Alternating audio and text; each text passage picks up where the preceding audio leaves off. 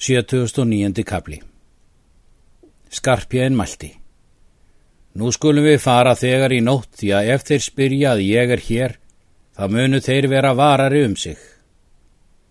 Þínum ráðum vil ég framfara, segir Högni. Eftir það tóku þeir vopp sín, þá er allir menn voru í rekkjum. Högni tekur ofan atgerinn og söngi í honum hátt. Rannveig spratt upp af æði mikilli og mælti. Hver tekur atgerinn? Þar er ég bannaði öllu með að fara. Ég ætla, segir Högni, að færa föður mínum og hafi hann til valhallar og beri þar fram af opnaþingi. Fyrirmund þú nú bera hann, segir hún, og hefna föður þíns, því að atgerinn segir manns bana, eins eða fleiri. Síðan gekk Högni út og sagði skarpjöðinni orðræðu þeirra ömmu hans. Síðan farað þeir til otta. Hrafnar tveir flugu með þeim alla leið.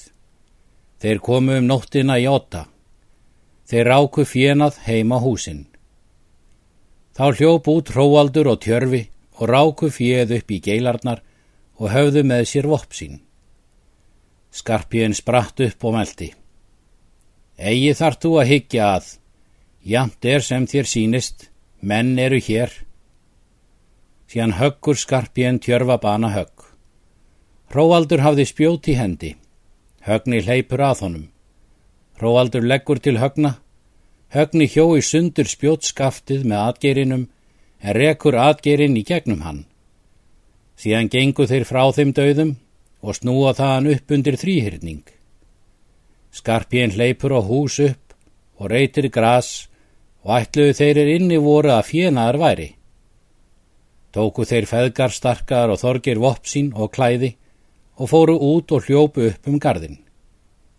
En er starkar sér skarpiðin, hræðist hann og vildi aftur snúa. Skarpiðin höggur hann við gardinum. Þá kemur högni í mót þorgeri og vegur hann með atgerinum.